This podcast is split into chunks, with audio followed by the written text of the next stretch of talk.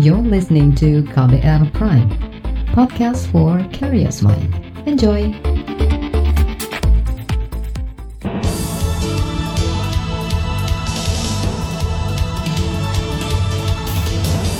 Selamat pagi saudara, kembali kami menyapa Anda bersama Buletin Pagi edisi Jumat 7 Agustus 2020.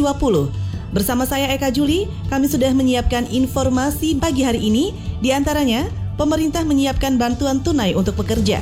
Pengacara Joko Chandra akan dijemput paksa Polri bila hari ini mangkir pemeriksaan. Otoritas Papua siap buka kembali akses penerbangan penumpang. Inilah Buletin Pagi selengkapnya.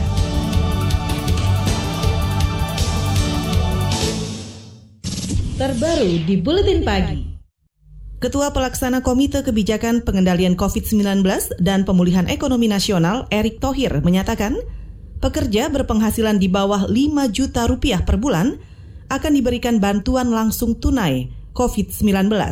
Jumlah pekerjanya hampir 14 juta orang dan merupakan pekerja non-PNS dan BUMN serta aktif terdaftar di BPJS Ketenagakerjaan.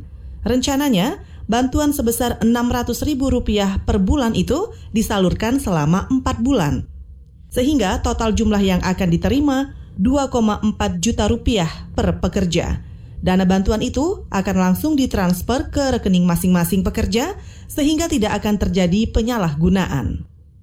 Saudara, menurut Ketua Satgas Pemulihan dan Transformasi Ekonomi Nasional Budi Gunadi Sadikin, program BLT COVID-19 untuk pekerja itu sudah bisa difinalisasi pada pekan ini. Sesudah itu, hasilnya akan diserahkan kepada Presiden Joko Widodo. Ini membutuhkan bantuan dari semua komponen Kementerian Kesehatan untuk bekerja sama dengan uh, Kementerian Keuangan, BPJS TK, dan kami di Satgas untuk memastikan segmen ini, segmen yang masih bekerja, non PNS dan non BUMN, yang memang karena kesulitan ekonomi oleh perusahaannya baik tidak di PHK, tapi diminta rumahkan dan gaji diturunkan, ini kita bisa address. Nah program ini sedang kami susun dan kami sangat butuh bantuan dari teman-teman. Itu tadi Ketua Satgas Pemulihan dan Transformasi Ekonomi Nasional Budi Gunadi Sadikin. Saudara pemerintah menitik beratkan kecepatan dan ketepatan pencairan bantuan langsung tunai COVID-19 untuk pekerja berpenghasilan di bawah 5 juta rupiah per bulan. Kepala Badan Kebijakan Fiskal Kementerian Keuangan, Febrio Nathan Kacaribu, menjamin pemerintah pasti memformulasikan skema terbaik supaya penyalurannya cepat dan tepat sasaran. Uh, bahwa besarannya itu kalau untuk yang apa, tenaga kerja itu sekarang yang angka bergerak itu ya uh, sekitar uh, 2,4 juta uh, per orang. Apakah nanti dibayarnya sekali atau lang atau uh, berapa kali pembayaran itu sudah kita finalisasi.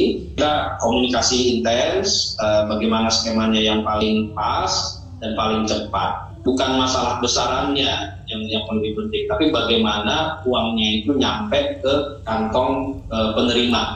Kepala Badan Kebijakan Fiskal Kementerian Keuangan, Febrio Nathan Kacaribu, mengatakan pemerintah belum punya data pasti terkait jumlah pekerja yang akan menerima bantuan langsung tunai itu.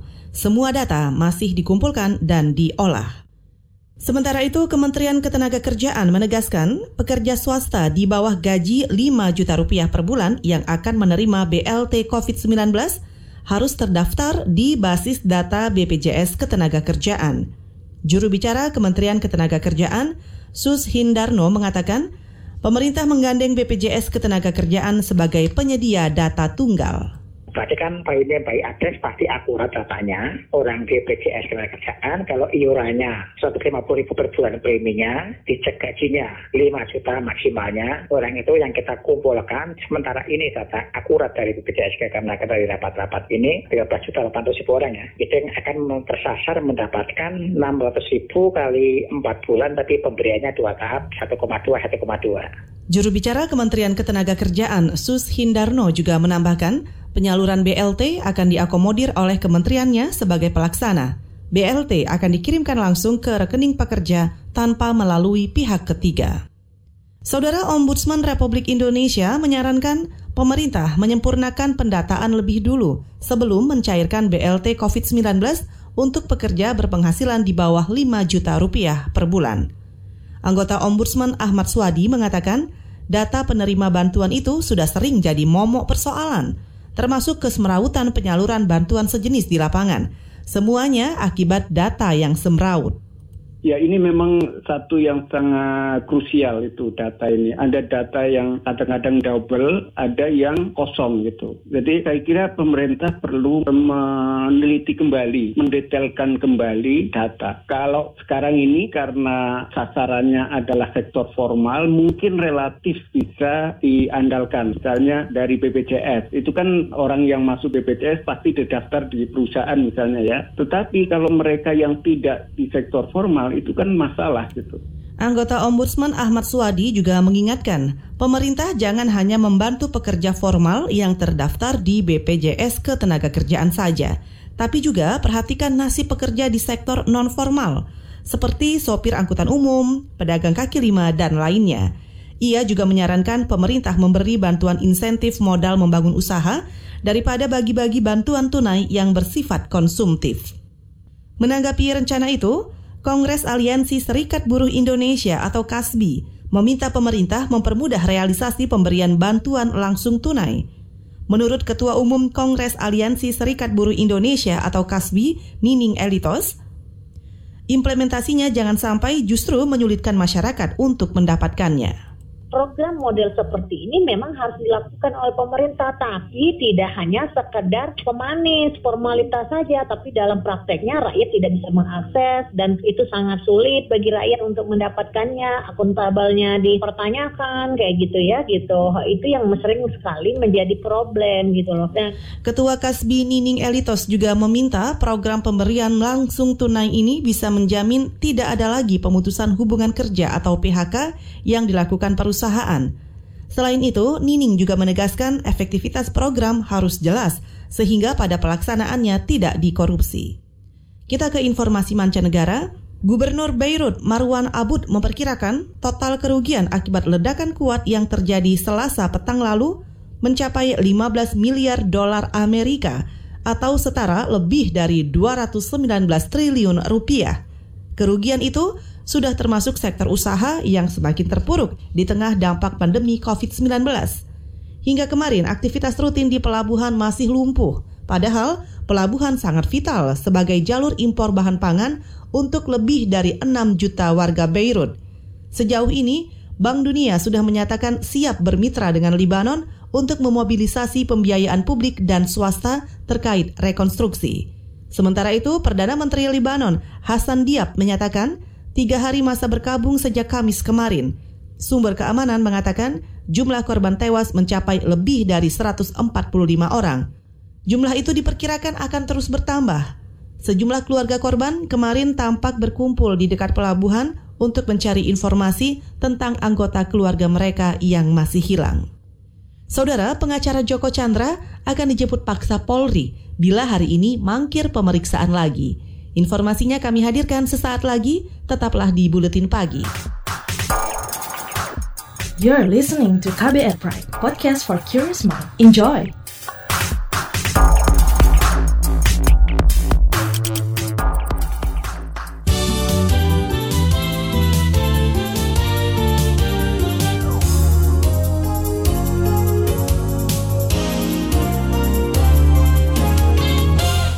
Saudara polisi mengancam bakal menjemput paksa Anita Kolopaking jika kembali mangkir pada panggilan pemeriksaan kedua hari ini. Anita akan diperiksa sebagai tersangka kasus surat jalan palsu Joko Chandra. Juru bicara Mabes Polri Argo Yuwono mengatakan penyidik melayangkan surat pemanggilan kedua terhadap pengacara Joko Chandra tersebut. Berkaitan dengan kasus pidana umum bahwa saudari Adeka yang sudah kita jadwalkan panggilan pertama tidak hadir dan kemudian sudah kita kirim surat panggilan yang kedua yang rencananya nanti akan kita periksa sebagai tersangka di hari Jumat besok tanggal 7 Agustus 2020. Ya tentunya kalau nanti misalnya panggilan kedua adalah tidak hadir, penyidik bisa melakukan upaya paksa untuk melakukan penjemputan. Juru bicara Mabes Polri Argo Yuwono juga menambahkan, Anita Kolopaking sudah merespon panggilan kedua dari penyidik dengan mengirim surat soal kesanggupannya hadir dalam pemeriksaan. Selasa pekan ini, Anita absen dari pemeriksaan dengan alasan tengah memberi keterangan di Lembaga Perlindungan Saksi dan Korban atau LPSK. Anita merupakan tersangka kasus surat jalan palsu Joko Chandra. Sementara itu, Komisi Kejaksaan akan mengawasi proses pemeriksaan internal Jaksa Pinangki Sirna Malasari oleh Jaksa Agung Muda Bidang Pengawasan. Ketua Komisi Kejaksaan Barita Simanjuntak mengatakan, komisinya akan mengawasi kinerja Jamwas saat pemeriksa Jaksa Pinangki. Tujuannya untuk menghindari konflik kepentingan di Korps Adiaksa. Kenapa Komisi Kejaksaan dibentuk sebagai pengawas eksternal untuk memastikan mekanisme pengawasan itu berjalan termasuk misalnya ada dugaan konflik of interest, ada dugaan tidak sungguh-sungguh melakukan pengawasan. Nah, itu kan bisa kita lihat dari output dari pengawasannya itu di laporan hasil pemeriksaan. Apakah sudah menjawab ada dugaan pidana umum pitsus itu? Nah, dari situ komisi bisa menilai apakah dia sungguh-sungguh untuk melakukan pengawasan Ketua Komisi Kejaksaan Barita Siman Juntak juga mengatakan komisinya masih menunggu dikirimkan laporan hasil pemeriksaan Jaksa Pinangki. Nantinya Komisi Kejaksaan akan menganalis dan mengevaluasi korelasinya dengan substansi aduan terhadap Jaksa Pinangki atau tidak.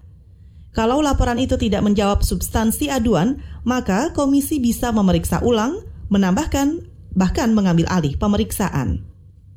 Kita ke soal pilkada. Komisi Aparatur Sipil Negara atau KASN menemukan ratusan kasus ASN tidak netral pada Pilkada 2020. Ketua Komisi Aparatur Sipil Negara, Agus Pramusinto menyampaikan, hingga 31 Juli kemarin terdapat lebih 450 pelanggaran oleh ASN. Kata dia, lebih setengahnya atau hampir 190 pelanggaran sudah ditindaklanjuti oleh atasannya dengan penjatuhan sanksi. Laporan pelanggaran yang masuk di antaranya di Kabupaten Purbalingga, Wakatobi, dan Kabupaten Sumbawa terkait pencalonan sebanyak 21,5 persen, kampanye dan sosialisasi di media sosial sebanyak 21,3 persen, mengadakan kegiatan yang marah pada keperbiakan sebanyak 13,6 eh, persen, masang spanduk atau baliho sebanyak 11,6 persen, membuat keputusan yang dapat menguntungkan atau merugikan paslon sebanyak 11 persen. Ketua Komisi Aparatur Sipil Negara Agus Pramusinto juga menambahkan, pelanggaran terbanyak adalah ASN yang melakukan pendekatan ke parpol, Pendekatan dilakukan terkait pencalonan dirinya atau orang lain dalam pilkada.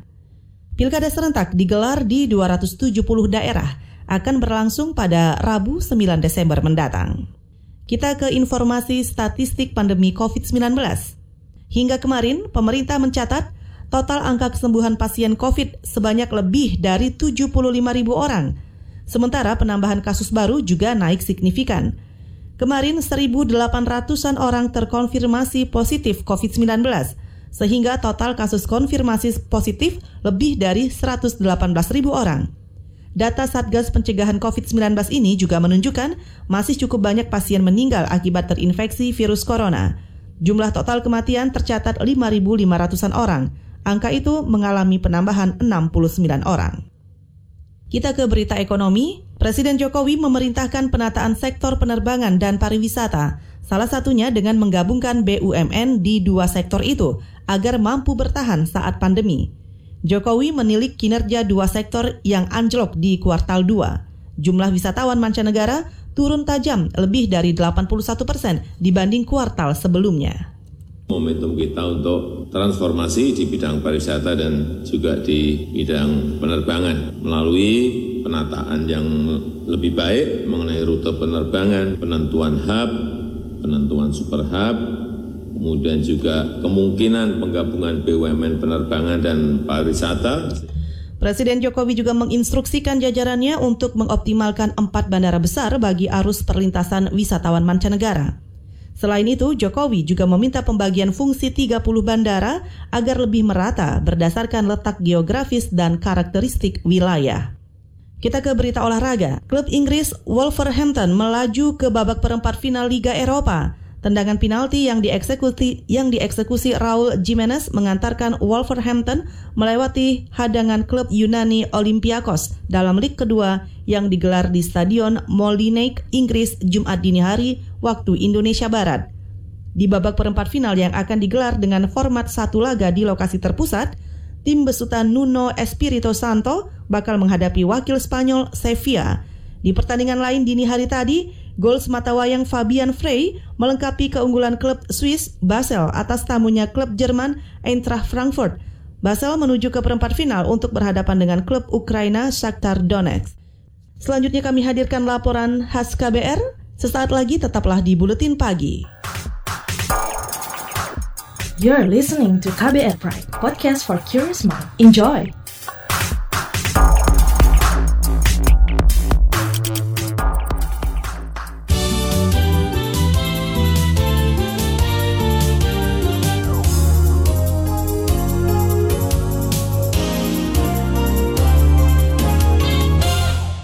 Anda masih mendengarkan Buletin Pagi KBR. Saatnya kami hadirkan laporan khas KBR tentang kisah pasien COVID-19 melahirkan di ruang isolasi. COVID-19 turut mengubah penanganan medis di fasilitas kesehatan, termasuk proses persalinan. Ibu hamil dengan hasil tes cepat reaktif, apalagi dinyatakan positif COVID-19, bakal ditangani khusus saat melahirkan. Di Semarang, Jawa Tengah, ada ibu suspek COVID-19 yang mendapat pengalaman miris saat proses persalinan. Seperti apa ceritanya? Kami hadirkan cerita yang dibacakan jurnalis KBR Astri Yuwanasari. Udah sakit karena kontraksi, terus sedih karena nggak bisa melahirkan secara biasa kayak ibu-ibu yang lainnya kan. 17 Juli 2020 semestinya menjadi hari bahagia bagi Dita dan suami Hari itu mereka dikaruniai anak kedua yang berjarak tujuh tahun dari si sulung. Namun, Dita tak pernah membayangkan harus melewati proses persalinan yang menyedihkan di salah satu rumah sakit pemerintah di Semarang, Jawa Tengah. Ia melahirkan putranya sendirian, tanpa bantuan dokter maupun tenaga medis satupun. Karena itu kan ruang isolasi, saya sendirian di situ. Terus suami saya nyari bantuan, keluar, belum ada semenit lah mungkin saya melahirkan sendiri jadi saya ngejan sendiri, saya nggak ada bantuan dari tenaga medis siapa pun. Dita menduga hal itu lantaran ia dan suami dinyatakan reaktif saat tes cepat sebelum persalinan. Alhasil, mereka ditempatkan di ruang isolasi khusus suspek COVID-19. Perempuan 31 tahun ini memang sempat diperiksa oleh dokter dan bidan yang mengenakan alat pelindung diri lengkap. Bidan itu memperkirakan Dita bakal melahirkan dua jam kemudian. Namun prediksi itu keliru. Belum ada lima menit bidan dan dokternya pergi, saya itu udah ngerasa mau ngejan mbak. Jadi suami saya cari bantuan keluar. Itu posisi pintu kan pintu pintu dari besi kayak gitu kan. Jadi nggak akan ada yang dengar kalau saya teriak-teriak minta tolong atau apa itu tidak akan ada yang dengar. Dita sempat kebingungan begitu mendapati anaknya sudah lahir. Apalagi tak ada siapa pun yang berada di dekatnya saat itu. Suaminya masih sibuk mencari bantuan tenaga medis. Pas suami saya balik, saya udah melahirkan, Mbak. Jadi bayi itu posisi udah di bawah kaki saya, saya udah ngangkang, saya udah maaf, saya udah posisinya sudah apa seperti itu gitu dan kan kalau bayi baru lahir itu ketuban pecah itu kan bikin kayak kasurnya tuh kayak licin gitu jadi saya tuh bednya itu agak tinggi saya cuma takut anak saya jatuh atau meminum air ketuban. Warga Tawangsari, Semarang ini makin nelangsa karena ia dan bayinya diterlantarkan selama 20 menit tanpa penanganan apa pun. Tak satupun petugas kesehatan saat itu yang berani masuk ke ruang isolasi suami saya sudah teriak-teriak minta pertolongan tapi tidak ada satupun dokter yang berani datang ke ruang isolasi uh, eh, IGD ya. Bukan isolasi yang tapi ini isolasi IGD suspek COVID. Jadi mereka itu tidak ada yang berani. Mungkin ada sekitar 15 menit suami saya bolak-balik teriak-teriak minta pertolongan dan nyari di mana dokternya. Itu nggak ada yang datang. Karena mereka mungkin takut mereka cuma pakai masker dan face shield gitu nggak pakai APD lengkap gitu loh. Mungkin takut kalau saya itu positif gitu. Derita Dita berlanjut karena selama empat hari ia dipisahkan dari bayinya. Mereka dipersatukan kembali setelah Dita dan suami melakukan uji usap dan dinyatakan bebas COVID-19 pas di ruang isolasi itu malah aku jadi kayak sering nangis, sering ini jadi mentalnya tuh jadi down karena gimana sih orang baru melahirkan nggak bisa ketemu anaknya, nggak bisa nyusuin, nggak bisa lihat wajahnya, nggak bisa meluk. Ia mengaku masih jengkel dengan perlakuan rumah sakit dan sudah membuat aduan ke bagian humas. Pihak rumah sakit menjanjikan pertemuan, tetapi hingga sekarang belum ditepati Tapi kemarin itu sebenarnya suami saya ke pihak rumah uh, rumah sakit tersebut gitu ya. Terus sebenarnya mau diadain acara temu dengar gitu katanya. Temu dengar dengan pihak uh, kepala IGD dan IGD tapi sampai sekarang nggak ada realisasinya sama sekali. Sampai sekarang tidak ada yang nggak ada janji temu dengar yang nggak ada. Saya juga tetap bayar sendiri gitu. Nggak ada apa-apa gitu dari pihak pihak rumah sakit tersebut permintaan maaf aja nggak ada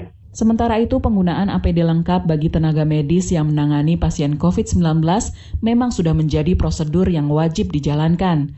Hal itu diungkapkan dokter spesialis kandungan dari Rumah Sakit Bunda Jakarta, Taufik Jamaan. Benar, apalagi dengan rapid test positif, selama dia tidak bisa memastikan PCR-nya negatif, gitu. Kecuali dia bisa cek PCR-nya negatif, ya udah, berarti protokolnya protokol yang biasa. Tapi kalau positif ya kan bagaimanapun orang tenaga kesehatan kan harus melindungi dirinya ya. Kalau nggak dia yang salah karena dia nggak memenuhi protokol APD. Taufik menyebut ada beberapa kemungkinan yang menyebabkan terlambatnya penanganan sehingga Dita sampai harus melahirkan sendiri di ruang isolasi. Namun ia enggan berkomentar banyak karena tidak mengetahui detail kondisi saat itu kita nggak tahu si penanggung bidannya misalnya dia punya ada beberapa ruangan gitu ya atau beberapa pasien yang dalam waktu bersamaan juga dalam proses pengawasan dia misalnya gitu ya. Nah, jadi bisa seperti itu gitu. Cuma artinya begitu pasien itu sudah masuk dalam pengawasan gitu. Jadi artinya dia udah masuk dalam observasi gitu istilahnya. Pasien-pasien yang sudah dalam keadaan on infarktu dalam proses persalinan.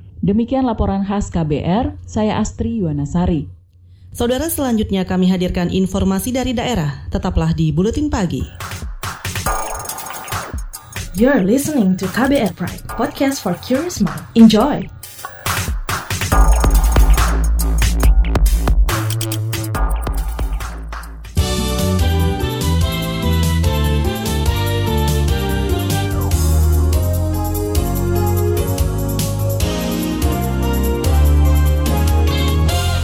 Inilah bagian akhir buletin pagi KBR.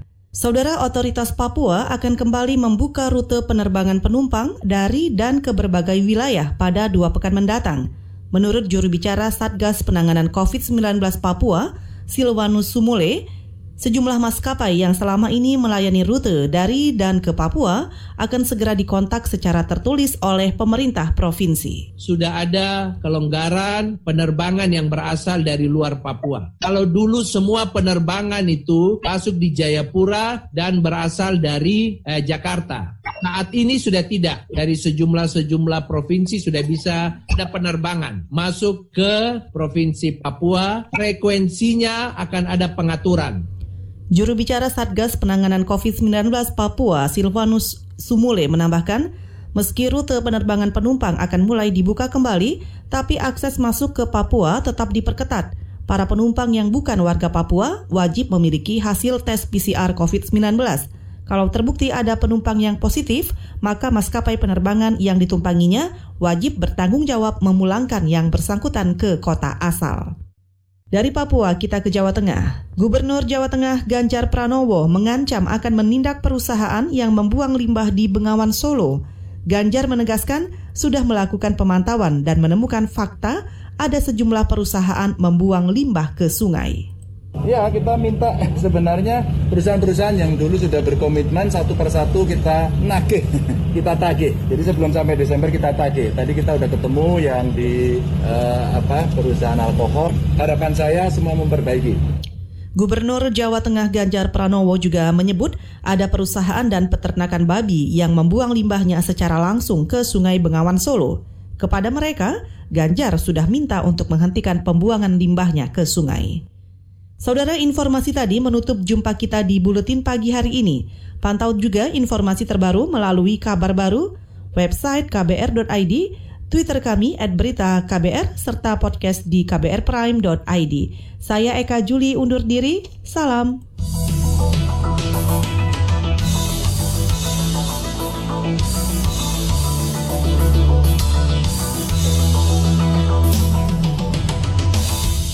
KBR Prime, cara asik mendengar berita. KBR Prime, podcast for curious mind.